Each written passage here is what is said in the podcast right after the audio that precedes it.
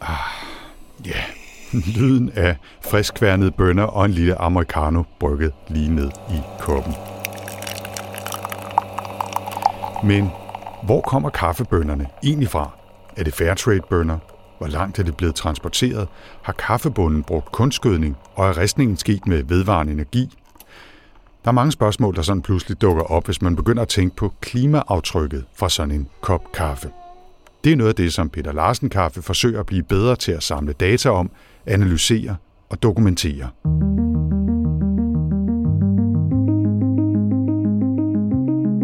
Velkommen til AI Danmark podcast. AI Danmark er et treårigt projekt, som hjælper små og mellemstore virksomheder med at komme hurtigere i gang med at udnytte data og AI-værktøjer i deres digitale omstillingsproces. I podcasten taler vi med en række af deltagerne om deres oplevelser og erfaringer med at implementere AI-løsninger, og vi skal også møde nogle af de eksperter, som har hjulpet dem undervejs. I denne episode skal vi møde Christina Singh fra Peter Larsen Kaffe, som laver, ja, kaffe, og vi får også selskab af Fritz Henklein fra Datalogisk Institut på Københavns Universitet, som har været AI Danmarks ekspert på dette projekt. Og jeg skal lige for en god ordens skyld sige, at interviewet med dem begge foregik på engelsk, men jeg springer ind med lidt opsummeringer og supplerende forklaringer undervejs. Jeg hedder Anders Høgh Nissen. Endnu en gang velkommen til.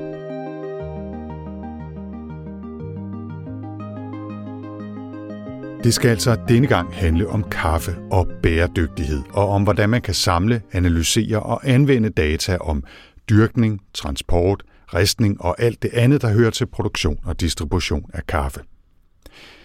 Selve AI Danmark-projektet handler, sagt meget kort, om hvordan man kan lave og validere modeller, som med høj troværdighed kan bruge AI til at angive produktionens klimabelastning, også uden at det er nødvendigt at måle på hver enkelt kaffebønne. Casen hos AI Danmark bygger, som Christina og Fritz fortæller mere om lidt senere, videre på et tidligere samarbejde, der dokumenterede, hvordan man kunne bruge teknologier som for eksempel blockchains og digital twins til at dokumentere kaffens færd fra plantage til kop. Ideen er kort fortalt, at man som forbruger skal kunne hive sin mobil op af lommen og tage et billede for eksempel af en QR-kode på en pose kaffe, og så se præcis, hvor den kommer fra, hvem der har lavet den, hvordan den er blevet transporteret osv. Det er selvfølgelig noget af det, som Christina og Fritz vil fortælle meget mere om, men lad os lige begynde med at få dem præsenteret lidt mere officielt. My name is Christina Singh, and I'm the head of circular innovation at Peter Larsen Coffee. Um, that is a Danish uh, coffee company. Um, I've been working for Peter Larsen Coffee for the past year, and previously I always worked uh, with sustainable value chains and uh, rural producers. And, and what is your background, please? I uh, studied at KU um, environmental economics a couple of years ago, and previously I worked as a consultant for COWI. And Fritz? My name is Fritz Henglein. I'm professor of programming languages and systems at the uh, Department of Computer Science at the University of Copenhagen. There I'm working with uh, uh, various topics that have to do with algorithms, languages, systems, uh, but in the apl- applied sense, it's you know with uh, smart contracts, decentralized systems like you know DLT, blockchain systems, high performance computing, you know economies for tracking, tracing uh, bioproducts and other products. Mm-hmm. If you could please, uh, Christina, begin with a brief pitch of the case, and then we can return to the history and how you ended up with that case. So, uh, firstly, uh, the, the, the case, the current case, please. So, together with the um, Institute for Data Science uh, on University of Copenhagen, Peter Larsen Cafe looks into how you can trace the coffee from the producer country to your cup, and more than that, basically how you can combine this with carbon accounting. So most recently, um, companies have been looking into ways of reducing their climate impact.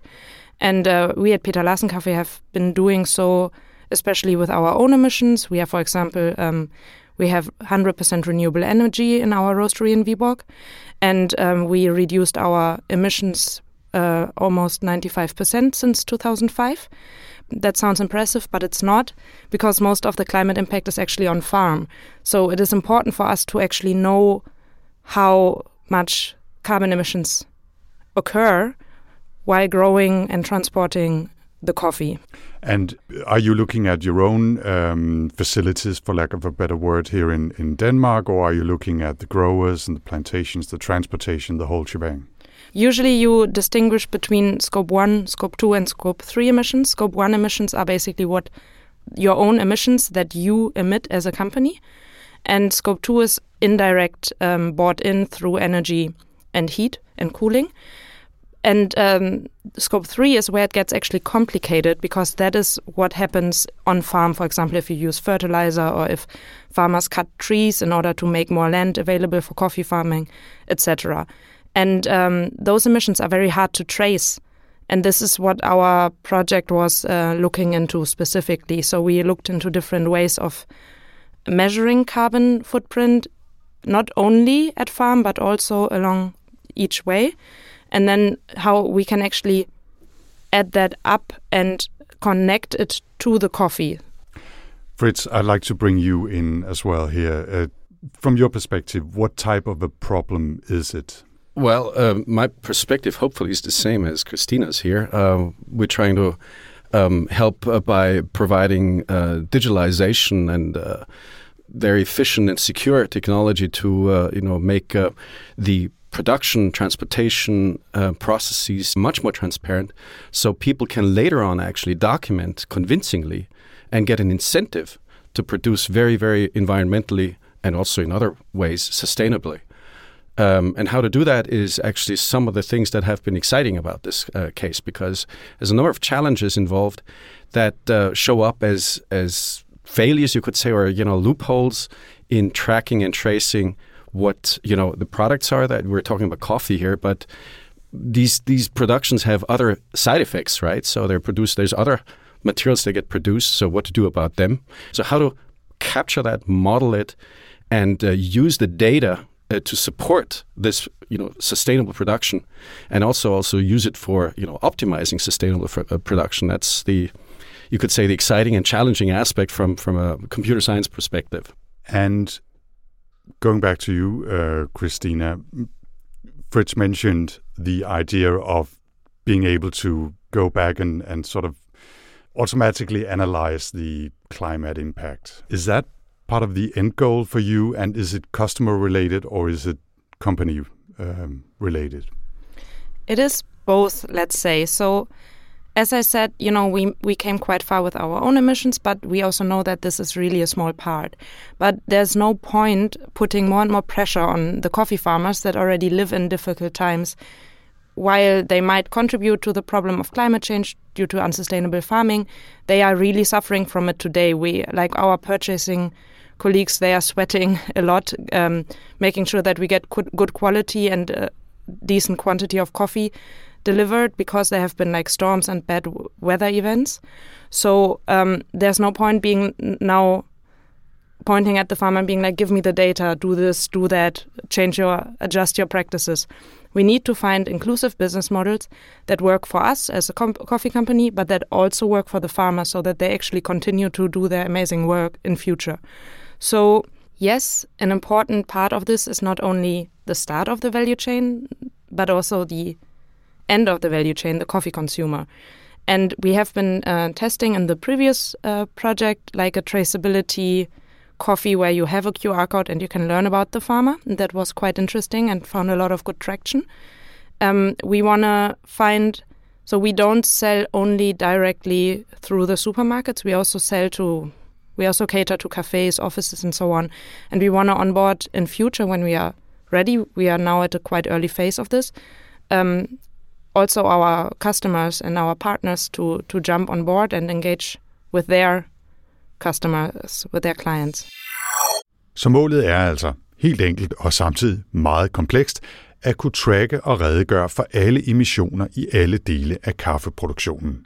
På sigt skulle det helst omfatte hele processen i alle niveauer, fra konsekvenserne af brugen af gødning i kaffeplantagen over de klimamæssige omkostninger ved bygningen og vedligeholdet af store containerskibe, til hvad forbrugeren vælger at gøre med sit kaffegrums, om det bliver smidt i kompost eller bare i skraldespanden. Og i virkeligheden vil man også gerne gå et skridt videre og hjælpe med at dokumentere og måle carbon capture, altså opsamling og læring af klimagasser, så processen måske ligefrem kan blive CO2-negativ. Så langt er vi helt sikkert ikke endnu, men det er målet og noget, som Fritz og Christine har arbejdet på, både i det aktuelle projekt hos AI Danmark og i deres tidligere indsats.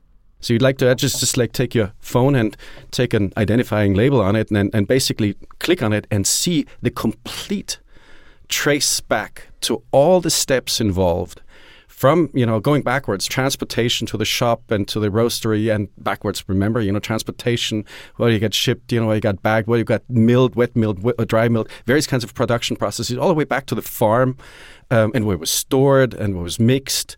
Um, so tracking and tracing all these steps by fine grained data that actually do nothing else but say like oh this is what happened and we stick them together you know? So our platform makes it possible to stitch all the data to, together and derive you know information. Like where did it come from? Maybe it's mixed you know from two or three different kinds of beans maybe it was some of it was tested you know for you know being sustainable and you know maybe that can be then used to actually achieve a high sustainability and provable high sustainability uh, gra- uh, grade in, in the process. So that's that's basically what we've been developing. And now you could say having these data and um, and, and tracking not only the particular coffee but also other ingredients like the, the energy and, and the water um, in, in their production processes, having combining that with a model actually of you know well there's stuff that goes up in the air right? So gases and various kinds of things like oh they could contain greenhouse gases. So there's a model of translating these greenhouse gases measuring them you know and translating them into you know a co2 equivalent it's what it's called right? So it could be methane it could be you know uh, all kinds of gases. But there's a model. And by model i mean is well there's somebody who says these are the formulae you know, sometimes it's called methodology for computing these things. This is a, a, formula.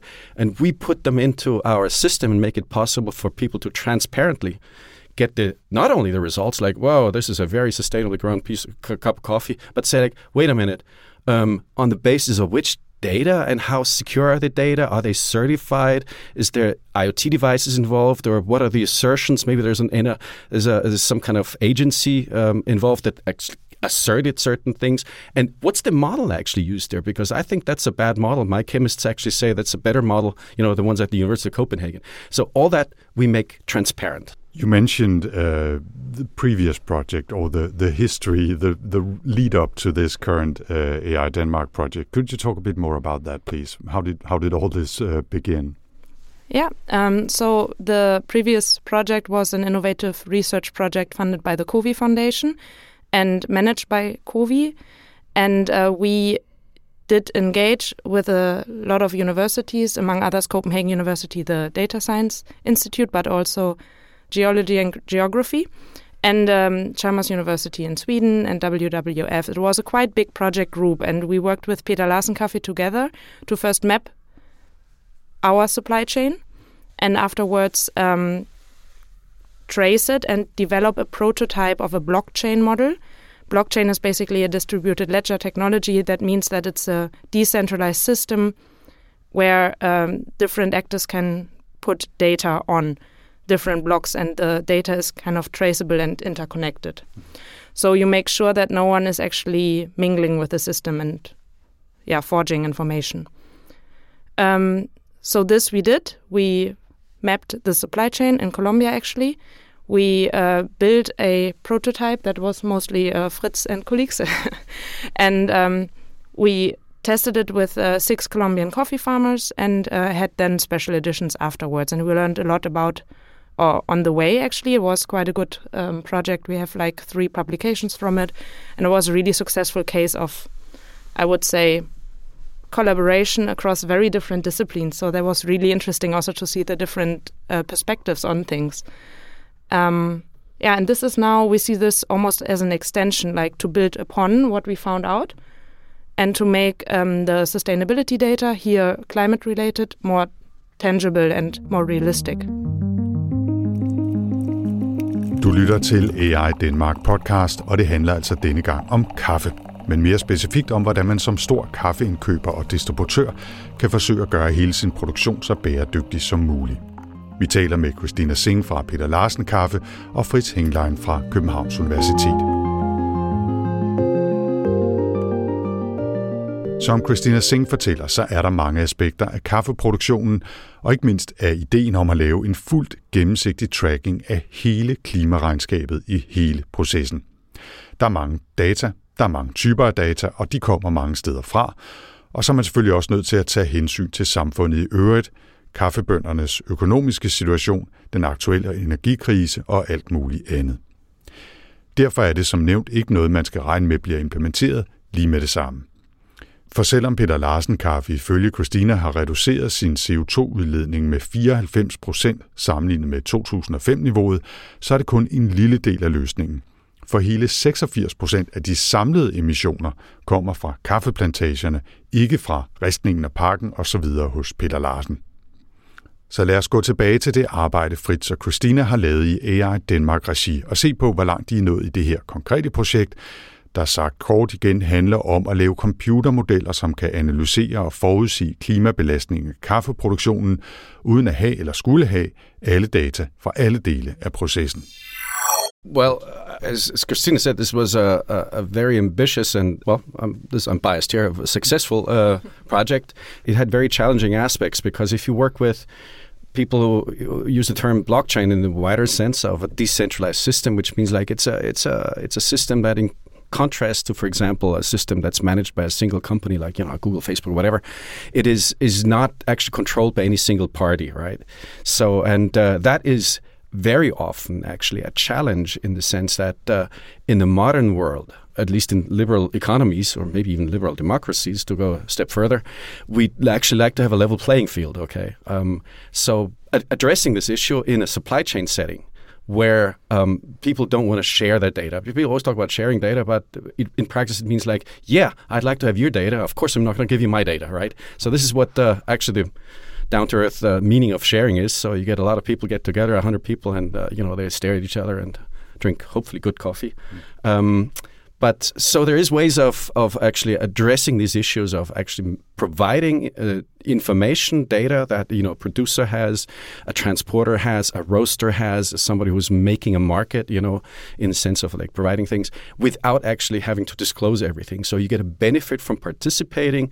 The system is decentralized in the sense it's not any one of those parties or you know you know any other ones i mentioned controlling it. That's the first aspect we uh, that's that's a very hard technical aspect actually also to address. That's what was exciting. But it was even more important and more difficult in the uh, coffee uh, tracing. You know, we call it the Good Coffee Project. If we track coffee digitally, who knows what's really going on in the real world? You know, the, the, coffee might be completely dumped somewhere else. You know, somebody just put in the wrong data or is cheating or whatever. So this was the extra aspect in this one. How can we make sure that the data we have is valid with respect to what's really going on down there on Earth? You know, in the storage, in the uh, in the warehouses, on the trucks, and all these things. Connecting the digital and the physical. Exactly. Basically. Yes. Exactly. Yes. Christina yes. had a comment. No, I just wanted to add that you know this physical and digital asset becomes even more tricky if we talk about carbon emissions because carbon emissions are they really physical? I mean, they are not really tangible, are they? We need to rely on measurements, and especially when it comes to biogenic carbon, so carbon that is released from the soil or from trees. Um, it is really hard to measure, and there's different ways and different methodologies, and some are more rigid than others. So the problem that we tried to solve with uh, within coffee, within like connecting a physical asset to a digital asset, now we want to put on top of that the carbon emissions. So to show how carbon is actually measured and then to like track this along the chain as well. And now this is where then AI will come in, but that's probably what Fritz can explain a bit better than me. When you once you have all the data collected and available, um, at some point you can also use machine learning to optimize your systems. So, to put it in very simple terms, what you are trying to do is to create some type of system that um, makes it so you won't have to physically measure every single uh, emission from every single step of the process, but can instead model and give a, a reasonable yeah. uh, estimation of the uh, of the emission. That's that's sort of the end goal here. Is that correct? I would say yes. so uh, put in very simple terms. Yeah, no, no, but I, I, think this is. If you think about it, most people might think that's surprising. You know, is is that usually you would expect that oh, I have to measure, you know, everything. Okay, but having this combination of model and data to make it possible derive that information that you usually would expect like i need to i need to measure your blood pressure okay but you know nowadays you can just you know observe how people interact how they sleep and deduce very good you know, ways of, of blood pressure and the analogously with whatever data we have already or can collect or people make impossible you know machinery very often then use that to not only predict some kind of emissions but actually make sure these emissions are actually correct by changing them or basically adapting them so that there's no greenwashing that comes out of this one. So it really, really measures in the end. It really calculates in the end what actually is being emitted. And also in the other direction, this is actually what a very important part of this project is what is being captured because, you know, farmers have the possibility of net emitting or actually net capturing uh, carbon.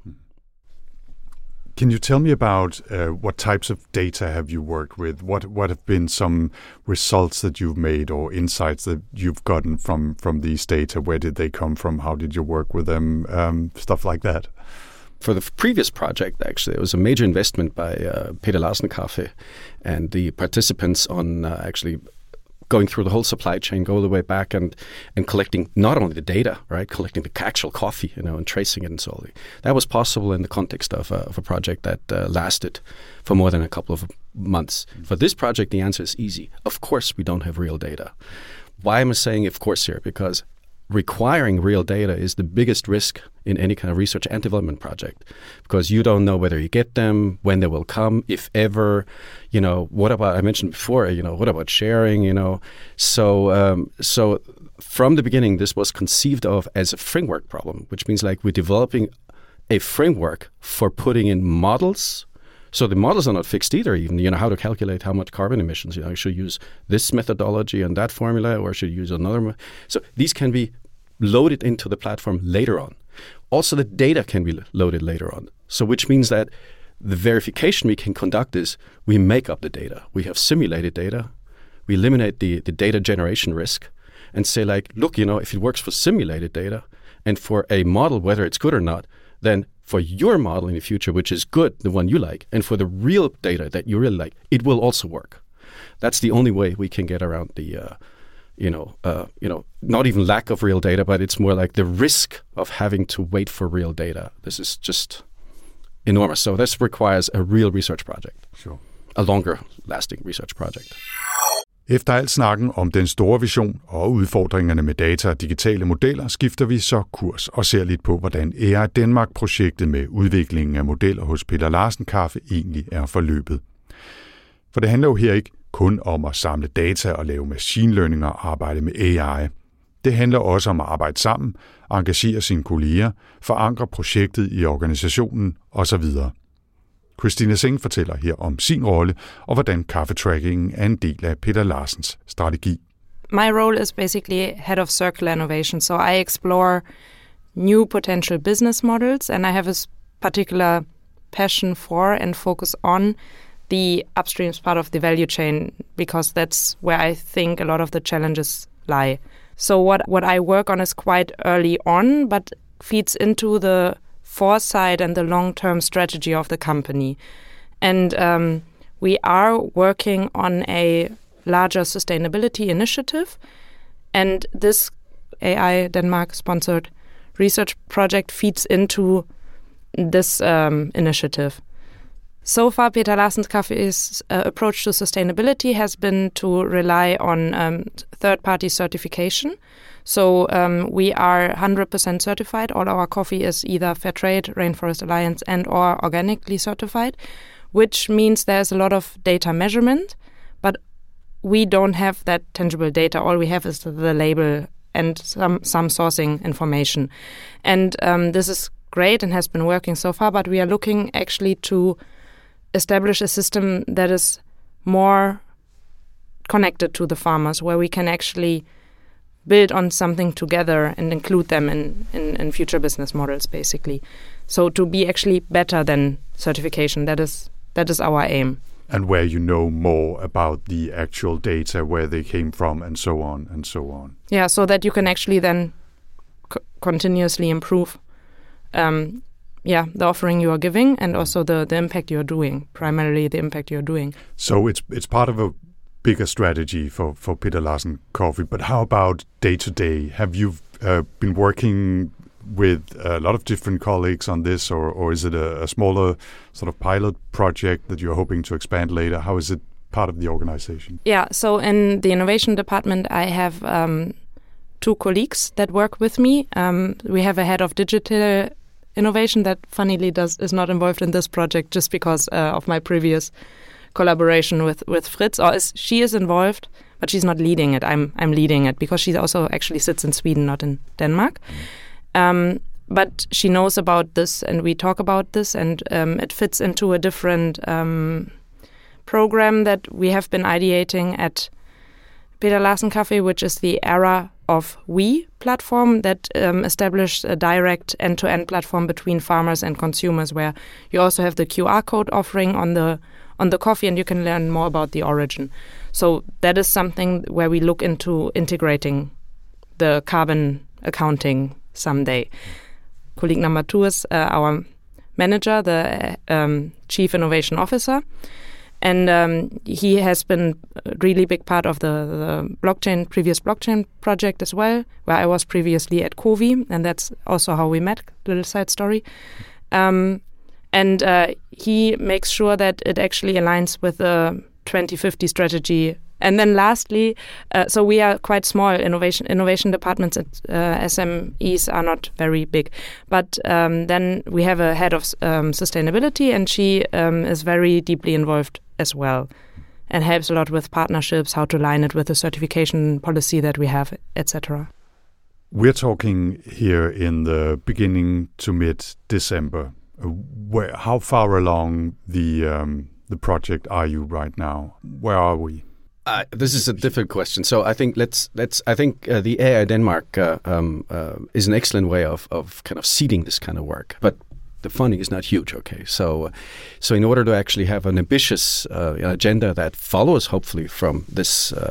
Uh, endeavor here is uh, it would require a little bit more investment into both the research and the applications, and I think we have a good basis here for the alignment of of, of those. Um, so this is uh, an indirect way of saying, well, will we have some good results because because we also have associated with that, you know, like I'm not working on this alone at the University of Copenhagen. My colleague Boris Düdder is involved. Uh, my, you know, we have two excellent and very ambitious uh, graduate students uh, working on their master's thesis now, and um, and so these are complementary, um, and that makes it also possible. So the teaching activities um, complementary to actually the uh, the activities we have inside, you know, with each other here. Okay, so we're we're getting towards the end because we have well defined target dates and uh, we'll support uh, you know the the reflection on, on these by having these results. In particular master's thesis which are total resource accounting and how the, the modeling of, of carbon effects or emissions and, and sequestering can happen. To do go one step further that's the whole idea is is actually you know then we have a platform and results that then will have a an excellent research and development agenda after that. I'm absolutely convinced of that and we're very close to that and then what might be the next steps how will you take this forward the next steps would be to uh, take all these learnings to um, bring them into the platform that we already have in uh, like established era of we as i said earlier um, which is not blockchain based. Um, and then we want to do a feasibility study to actually get um, real data from like real updated data that is particularly tailored to this uh, endeavor. And uh, we want to do two pilots as well, and that will happen in the next one to three years. And that's obviously not in the scope of AI Denmark. Um, the scope of AI Denmark is basically um, finding all the facts, getting ready for it, and being informed.